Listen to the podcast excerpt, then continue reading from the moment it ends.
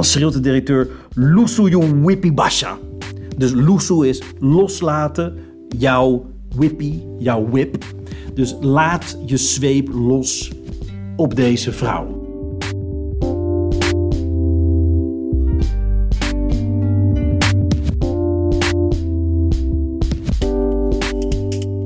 In het nieuwe themaprogramma van de Universitaire Bibliotheken Leiden duiken we in de Caribische collecties. In de eerste aflevering vertelt Fresco Samsin over de wortels van het Surinaams.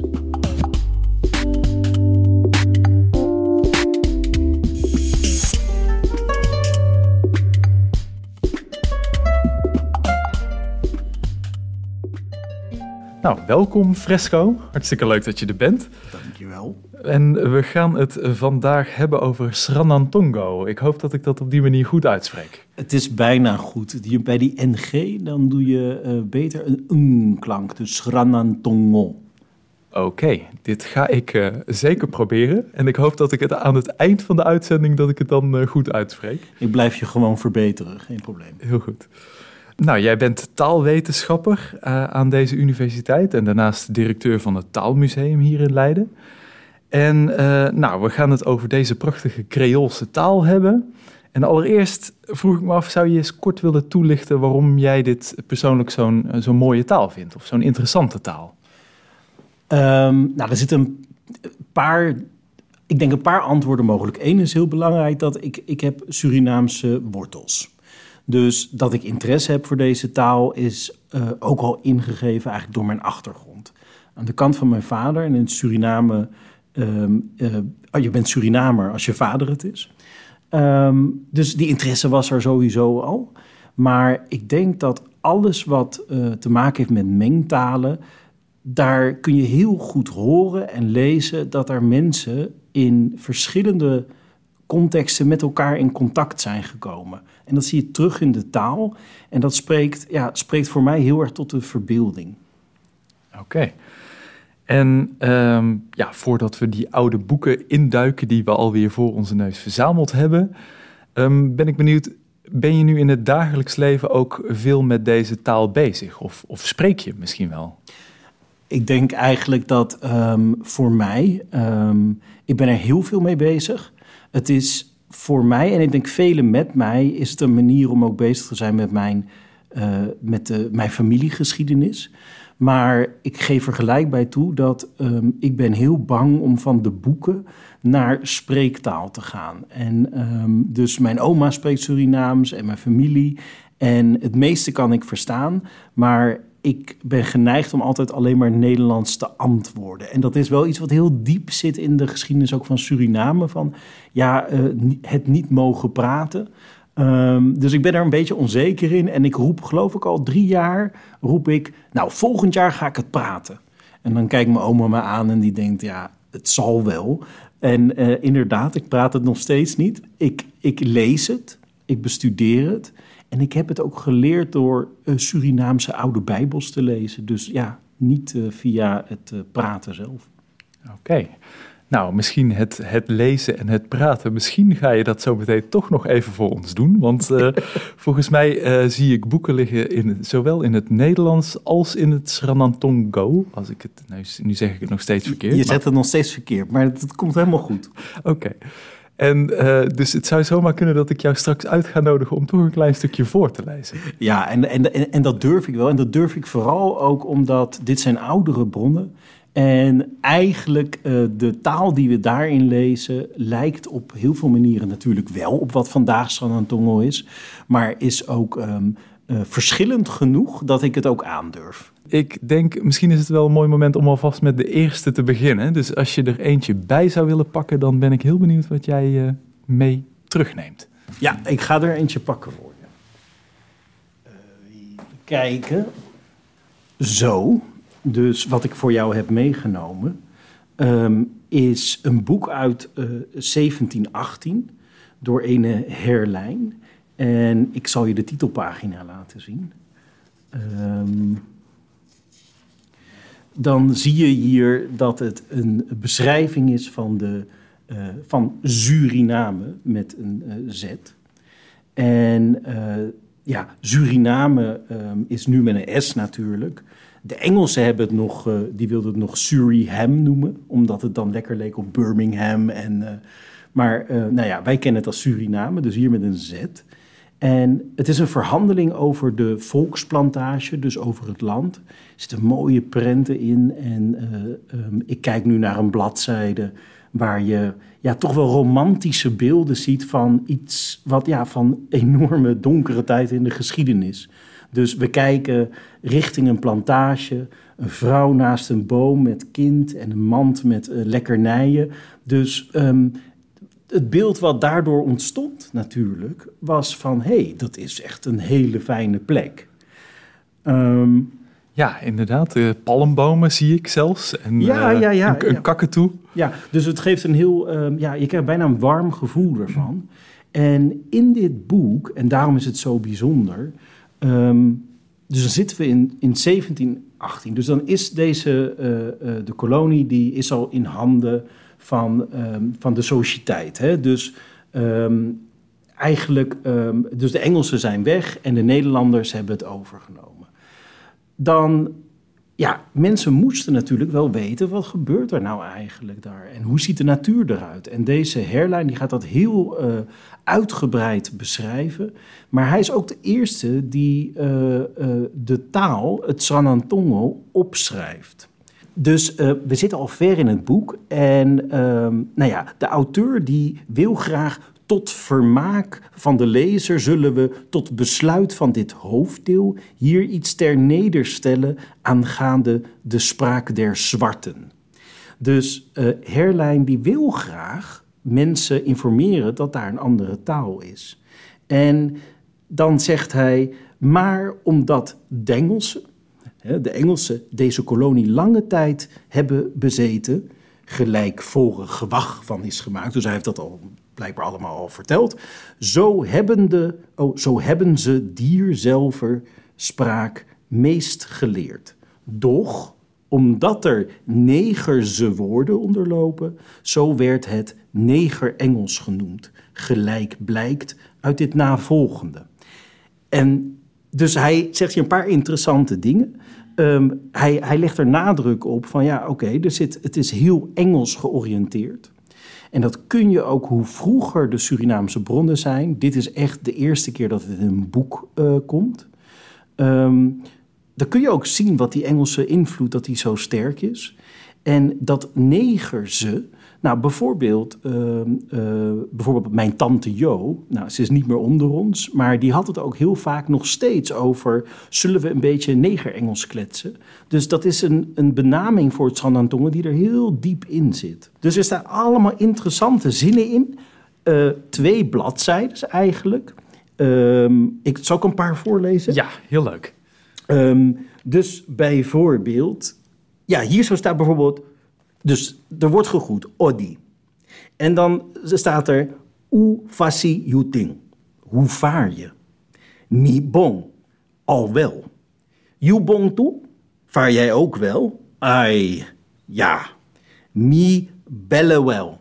En dat is wat ik net zei, dat bellen wel, dat, dat gebruik je niet meer. En dan wordt er gezegd, you wanchi si dong pichinso. En dus you wanchi, you wani, van jij willen. Si dong, sit down, wil je zitten, pichinso. En pichinso is dan een beetje, een beetje betekent dat. En dat wordt vertaald als, wil je een beetje zitten gaan? Nou, wil je een beetje zitten gaan, dat is... Um, Soms lees je er Nederlands in, want deze Nederlands is natuurlijk ook oud. En een beetje zitten gaan is eigenlijk een manier van zullen we even zitten en lekker kletsen. En het mooie is dat als ik dit boek lees, mijn oma en oudere Surinamers zullen altijd nog in het Nederlands zeggen van zullen we lekker een beetje zitten. Ja. En dat betekent gewoon, wij gaan zitten en we gaan gezellig met elkaar praten. Ja. Dus uh, niet alleen voor die Surinaamse taal, maar ook voor het, uh, voor het Nederlands zijn deze boeken zijn echt om, om te smullen. Ja, en wat, wat dus direct opvalt en wat, wat misschien uh, ook niet, niet alle Nederlanders zullen weten, is dat is dat die Engelse tijd, uh, dus die nog voor de Nederlandse koloniale tijd kwam, dat die zo, ook zo bepalend is geweest voor die taal, of niet? Ik denk, ik denk je kunt zeggen dat de Engelse invloed is het allerbelangrijkste geweest. En dat is denk ik ook in het licht van als we praten over, um, um, um, over de, de invloed van, van Hollanders. Dat, dat is, hè, die, dat is, die geschiedenis is er. Maar we moeten niet vergeten hoe groot de rol is geweest van de, van de Engelsen. Dus ja, dat maakt het heel erg duidelijk. Uh, je ziet het in alle woorden, zie je terugkomen. Ja, oké. En uh, ja, welke, welke invloeden kun je nog meer terugzien in die taal? Nou, je hebt bijvoorbeeld uh, Portugese woorden en je hebt nou, veel Nederlands. Um, en dan zijn er woorden die, die te maken hebben met die Afrikaanse geschiedenis. Ja, oké. Dus het is bijna een, een soort Esperanto is het eigenlijk geworden die, die daar op die plek is ontwikkeld. Nou, kijk, um, en dat is wat zo mooi is aan taal. Je moet je voorstellen, de schepen komen uit West-Afrika. En nou ja, een groot gedeelte van de mensen overleeft die toch niet.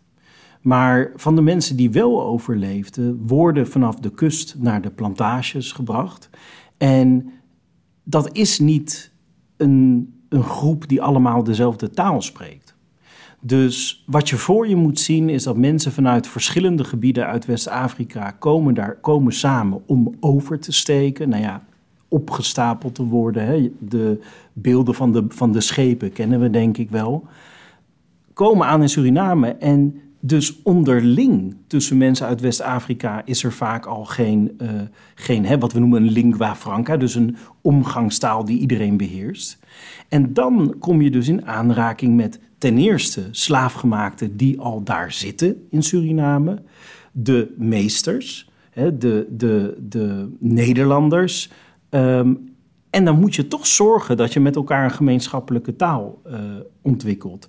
En in die context uh, kan zo'n mixtaal, zo'n gemengde taal ontstaan. En nu viel me nog wel één ding op toen je, dat, toen je het boekje opensloeg. Er stond, er stond een soort, soort rood stempel in waar, waarop stond Koloniaal Museum Haarlem. En nu, nu woon ik toevallig in Haarlem en ik ken geen koloniaal museum, uh, tot mijn opluchting. Maar ik vroeg me, ja, ik vroeg me wel af wat was nou eh, de bedoeling misschien van, van deze meneer toen hij uh, die taal op papier probeerde vast te leggen? Ik denk voor deze meneer Herlijn was het meer, zoals hij zegt, tot vermaak. En hij stopt ook na uh, twee bladzijden, omdat hij zegt, en ik citeer je, dat het anders, dat het te walgzaam is. Dus aan de ene kant wil hij het de lezer meegeven tot vermaak. Dus dat is positief. Hè? Blijkbaar is er iets te genieten. Maar aan de andere kant vindt hij ook dat het al snel te veel is. Dus het doel van deze man was echt om uh, mensen bekend te maken met het leven in Suriname. En dat was vooral belangrijk voor mensen die, de kooplui of mensen die daar op de plantage de baas wilden spelen, om zich voor te bereiden op, die, nou ja, op de situatie daar. En, en het interessante aan dit werk van Herlijn is, is dat het eigenlijk tot 1770 eigenlijk het enige werk was dat zo uitgebreid daarop in is gegaan. Dus hele lange periode waarbij de kennis niet up-to-date was. En dan krijgen gelukkig, um, um, komen er uh, nieuwe boeken. Nou ja, gelukkig voor de mensen toen. Ze konden dan beter leren hoe ze geld konden verdienen in Suriname. Um, dat er dus andere mensen komen om ja, dingen te nuanceren. Ja, nou, en volgens mij ben je ook taalwetenschapper om uh, met name geïnteresseerd te zijn ook in de ontwikkeling van taal. Uh, en als ik het goed begrijp, uh, kunnen we de ontwikkeling van het Sranantongo. Goed gezegd nu. Ja, dankjewel, perfect. dankjewel. Kunnen we ook terugzien in de boeken die we voor ons hebben liggen? Klopt dat? Uh, ja, we kunnen, we kunnen een ander boek erbij pakken. En dan kunnen we er een beetje hapsnap woorden uitnemen. waarmee ik denk ik wat dingen kan toelichten. Nou, dat zijn hele kleine, kleine boekjes. Dat zouden zijn... bijna dagboekjes kunnen zijn. Ja, maar ik denk, ook, ik denk ook bewust in dit geval. Want het zijn echt de eerste, wat ik hier heb, zijn de eerste twee leerboeken voor het Sanantongo. Om de taal echt te beheersen. Dus um, het is denk ik handig als ze klein zijn. Want je kunt ze lekker, als je onderweg uh, naar Suriname bent, uh, kun je ze al uh, lekker lezen en weer terug, denk ik, in je binnenzak doen. Ehm, dus deze is de nieuwe en nooit bevorens geziene onderwijzingen in het bastard-Engels of neger-Engels, zoals het zelf in de Hollandse koloniën gebruikt wordt. Dat is de titel. Dus het is, met de titel zijn we al niet subtiel geweest, deze schrijver. En de schrijver is Pieter van Dijk. En Pieter van Dijk weet wel van dat hij ook echt het uh, koloniale leven in Suriname. Hij, heeft dat echt, uh, hij is ooggetuige geweest en heeft een rol gespeeld ook uh, op de plantage. Um, wat hij doet, en dit is niet ongewoon in deze tijd, dan moet er een overzicht komen van welke um, van de taal. Dus dan komen er allerlei categorieën in woorden. Dus bijvoorbeeld de categorie werkwoorden, logisch. Um, de categorie um, bijvoorbeeld van de muntstukken. Dus daar lezen we dingen in als een duit, een doisterie en een shelling. Dus dan zie je nog ook dat daar ook nog die invloeden in zitten. En nou ja, als je dan die lijstjes, je kunt er snel doorheen gaan, maar dan vind je woorden waarvan je denkt, hé, hey, dat, dat is interessant. Bijvoorbeeld, en dat is niet, uh, uh, daar kan ik eigenlijk helemaal, want jij noemt mij steeds een taalwetenschapper. Um, kijk, ik ben directeur van het Taalmuseum en um, ik ben ook wel verbonden aan taalwetenschappen hier. Maar ik ben eigenlijk zo'n type die overal een beetje, een beetje van alles wat mee uh, zit te snoepen. Zo, zo word je directeur, toch? Ja, ja. dat, zo precies, inderdaad. Jij begrijpt het, Marijn. Dus, maar daar komen dus woorden in, zoals het woord combi, lezen wij. En dat lees ik onder de trappen van bloedvrienden. En dan staat er dus combi zou zijn neef. Nou, en ik, opeens kom ik dat woord tegen, combi. Dan ga ik graven in wat, wat ik hoor uit het gesproken Surinaams, uit de andere bronnen. En ik dacht bij mezelf, ja, maar je hebt bijvoorbeeld voor neef niffel. Hè? Dat hoor je al, dat gebruiken we ook in... Nou, we, ik gebruik geen straattaal uh, meer. Maar uh, dat kun je buiten horen, dat mensen elkaar niffel, hey, niffel. Um, en combi ken ik niet. Ik weet niet waar het vandaan komt. Ik vroeg het al na uh, in voorbereiding. Ik heb heel mijn netwerk zitten whatsappen van combi. Combi, gebruikt iemand dat nog? en niemand kent dat als het woord voor neef. Dus ja, dat, vind ik dan, dan denk ik, wat is hier nou gebeurd? Um, als we kijken naar andere uh, woorden. En ik hoef gelukkig niet te haasten, want je kan lekker knippen. dus ik zou een goede. Um, ja, ja. Dus bijvoorbeeld onder dezelfde trappen van bloedvrienden staat er bijvoorbeeld een zwangere vrouw. En dan staat er da homan habi bille. Dat betekent letterlijk de vrouw heeft een buik. Is in heel veel talen een manier om te zeggen dat iemand zwanger is. Maar daar is homan gespeld H-O-M-A-N. Homan. En dat is dan vanuit het Engelse woman. Maar nu in het moderne Surinaams zeg je uma. Dus dan is dat hele woman is meer bewogen naar homan. En vervolgens nu zeggen we uma. En je kunt dus ook, als je, als je dan weer, nou ja, niet, uh, hoe zeg je dat, modernere bronnen pakt. Dus je gaat meer richting de 19e eeuw. Het boekje wat ik nu heb is um, zeg ik even uit mijn hoofd, maar kunnen we later checken. Volgens mij 1765. Um, en daar, nou ja, daar zie je dus dat die Engelse invloed is sterk. En ga je naar de latere werken, dan zie je alweer Uma. En dan is die H eraf gehaald. Oké. 1765 is het juiste jaartal, uh, hoor ik uit de coulissen. Dus uh, dat, uh, je hebt het helemaal goed. Zie je, ja. Kijk, en dan, dan krijgen we, zoals in deze boekjes, en ik pak zo een andere erbij... Um, je krijgt veel van die lijsten en dan beginnen er uh, uh, de samenspraken. In dit geval noemen we het de spreekwijze. En dan krijg je eigenlijk heel veel zinnetjes, dus dialogen.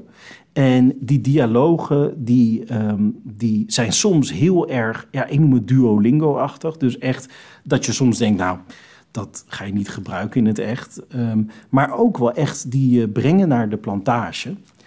En dat is echt niet mals. En er wordt ook niet lang gewacht voordat er eigenlijk al die gruwelijkheden komen. En de directeur is in het toneelstuk dan heel veel aan het uh, woord. En hij wordt al ontzettend boos wakker, want zijn koffie is er niet. En dan zegt hij, Gonada Kukrom en Chari Lucretia. Dus hij schreeuwt tegen iemand, haal Lucretia uit de keuken, want hij wil weten hoe het zit met de koffie. Lucretia komt en die zegt, Mastra, sa miki den fommi, mino duan ogri. Dan zegt Lucretia, meester, Mastra, waarom zou ik geslagen moeten worden? Want ik heb toch niks verkeerd gedaan. Dus er wordt heel snel geschakeld tussen iemand maakt een klein foutje en er komt gelijk een zweep bij. De directeur zegt, you know do ogri. Heb je geen kwaad gedaan? Ogri kwaad. Misa sorry you langa wipi hu santi you do. Ik zal je wijzen met een zweep wat jij wel niet hebt gedaan. Dat timmi tang ippe koffie no mostan klari de tijd dat ik op het moment dat ik opsta, mi tang ippe, ippe is van up, dat ik opsta, koffie no mas tang klari, moest, moet de koffie dan niet klaarstaan? En dan zegt hij tegen de basha, dat is eigenlijk een, een officier onder die directeur. De directeur gaat zelf niet slaan, die heeft zijn mensen daarvoor. Wat ze noemen de zwarte officier en de blanke officier. En de basha is dus iemand die dan vervolgens uh, de, de klappen moet uitdelen, dan schreeuwt de directeur: Lusu you whippy basha. Dus Lusu is loslaten jouw whippy, jouw whip. Dus laat je zweep los op deze vrouw. En um, ja, dan zit je dus, en besef, je zit in een taalboek. Dus je zit in een boekje om de taal te leren. En um, um, dat, dat is dus, laten we zeggen, een praktische handleiding van hoe dat dan gaat op de plantage. Um, dus dat, dat, dat, dat is best heftig. Ja, dus als zelfs al in het, het taalboek zeg maar, dit soort voorbeelden voorkomen, dan, kun je, dan, dan zegt dat wel wat over hoe de samenleving werkt, zeg maar. Eh, ja, maar daarover ook, uh, dan ga ik even naar een andere bladzijde, want daarover zegt deze Van Dijk, zegt daar ook iets over. Eén moment. Dus um, Van Dijk uh, deze schrijver van die dialogen, die zegt eigenlijk hierover, um, niet beminde lezer, dat u edele moet een denkbeeld hebben dat alle directeurs en administrateurs zo leven. Dat zij verre van dien. Dat er wel min of meer bekwaamheid vereist werd om een plantage te regeren en het werk te ordoneren, dat wil ik ook volkomen toestemmen. Daar zijn directeuren die in geen jaar een enkele zweepslag geven, maar die gebruiken praktijk. De kunst is kortom om je gevreesd en bemind te maken en een slaaf zijn recht zowel te handhaven als dat van uw edele zelfs. Mijn voornemen is niet om uw edele een verdrietig voorreden te maken. Ik verblijf uw edele dienaar en toegenegen vriend. Dus wat Van Dijk hier doet, die zegt: ja, het is heel heftig in dit uh, boek. Um, maar dat is het extreme voorbeeld van hoe het op de plantage gaat. Want als je maar eng genoeg doet, dan hoef je niet te slaan. Dus ja, dat klinkt als een soort van, uh, nou, het is allemaal niet zo erg. Maar um, als jij als slaafgemaakte natuurlijk in een continue angst leeft dat je geslagen kan worden of dat je familie mishandeld kan worden, ja, dan hoeft er ook niet geslagen te worden om met elkaar natuurlijk een enorm trauma te hebben. Dus zelfs wat jij zegt, hè, Marijn, zelfs in zo'n leerboekje. Um, um, word je gewoon geconfronteerd met, uh, met, met de realiteit. Ja, dus, uh, dus het, ja, het, het, het laat in ieder geval ook zien dat je, uh, dat je altijd in een continue angst, zeg maar, angstcultuur leeft. Ja, dat denk ik. En, en, en, en dan weer, als we het weer terugkoppelen naar taal ook, hè, dat, um, uh, dat het maakt het ook heel erg nodig dat je met elkaar kunt praten. Want, en ook, en dat is denk ik iets wat we. Kijk, ik zeg nu natuurlijk, um, dit zijn de, de verschrikkelijkste uh, momenten van de slavernij.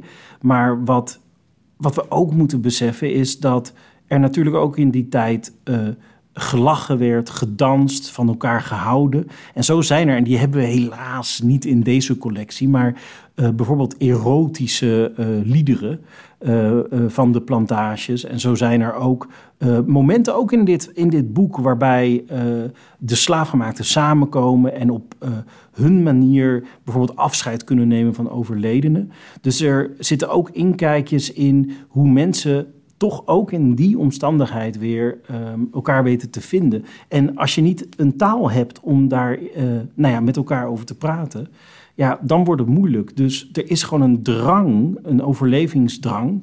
En daar is taal een heel goed voertuig eigenlijk voor. Oké.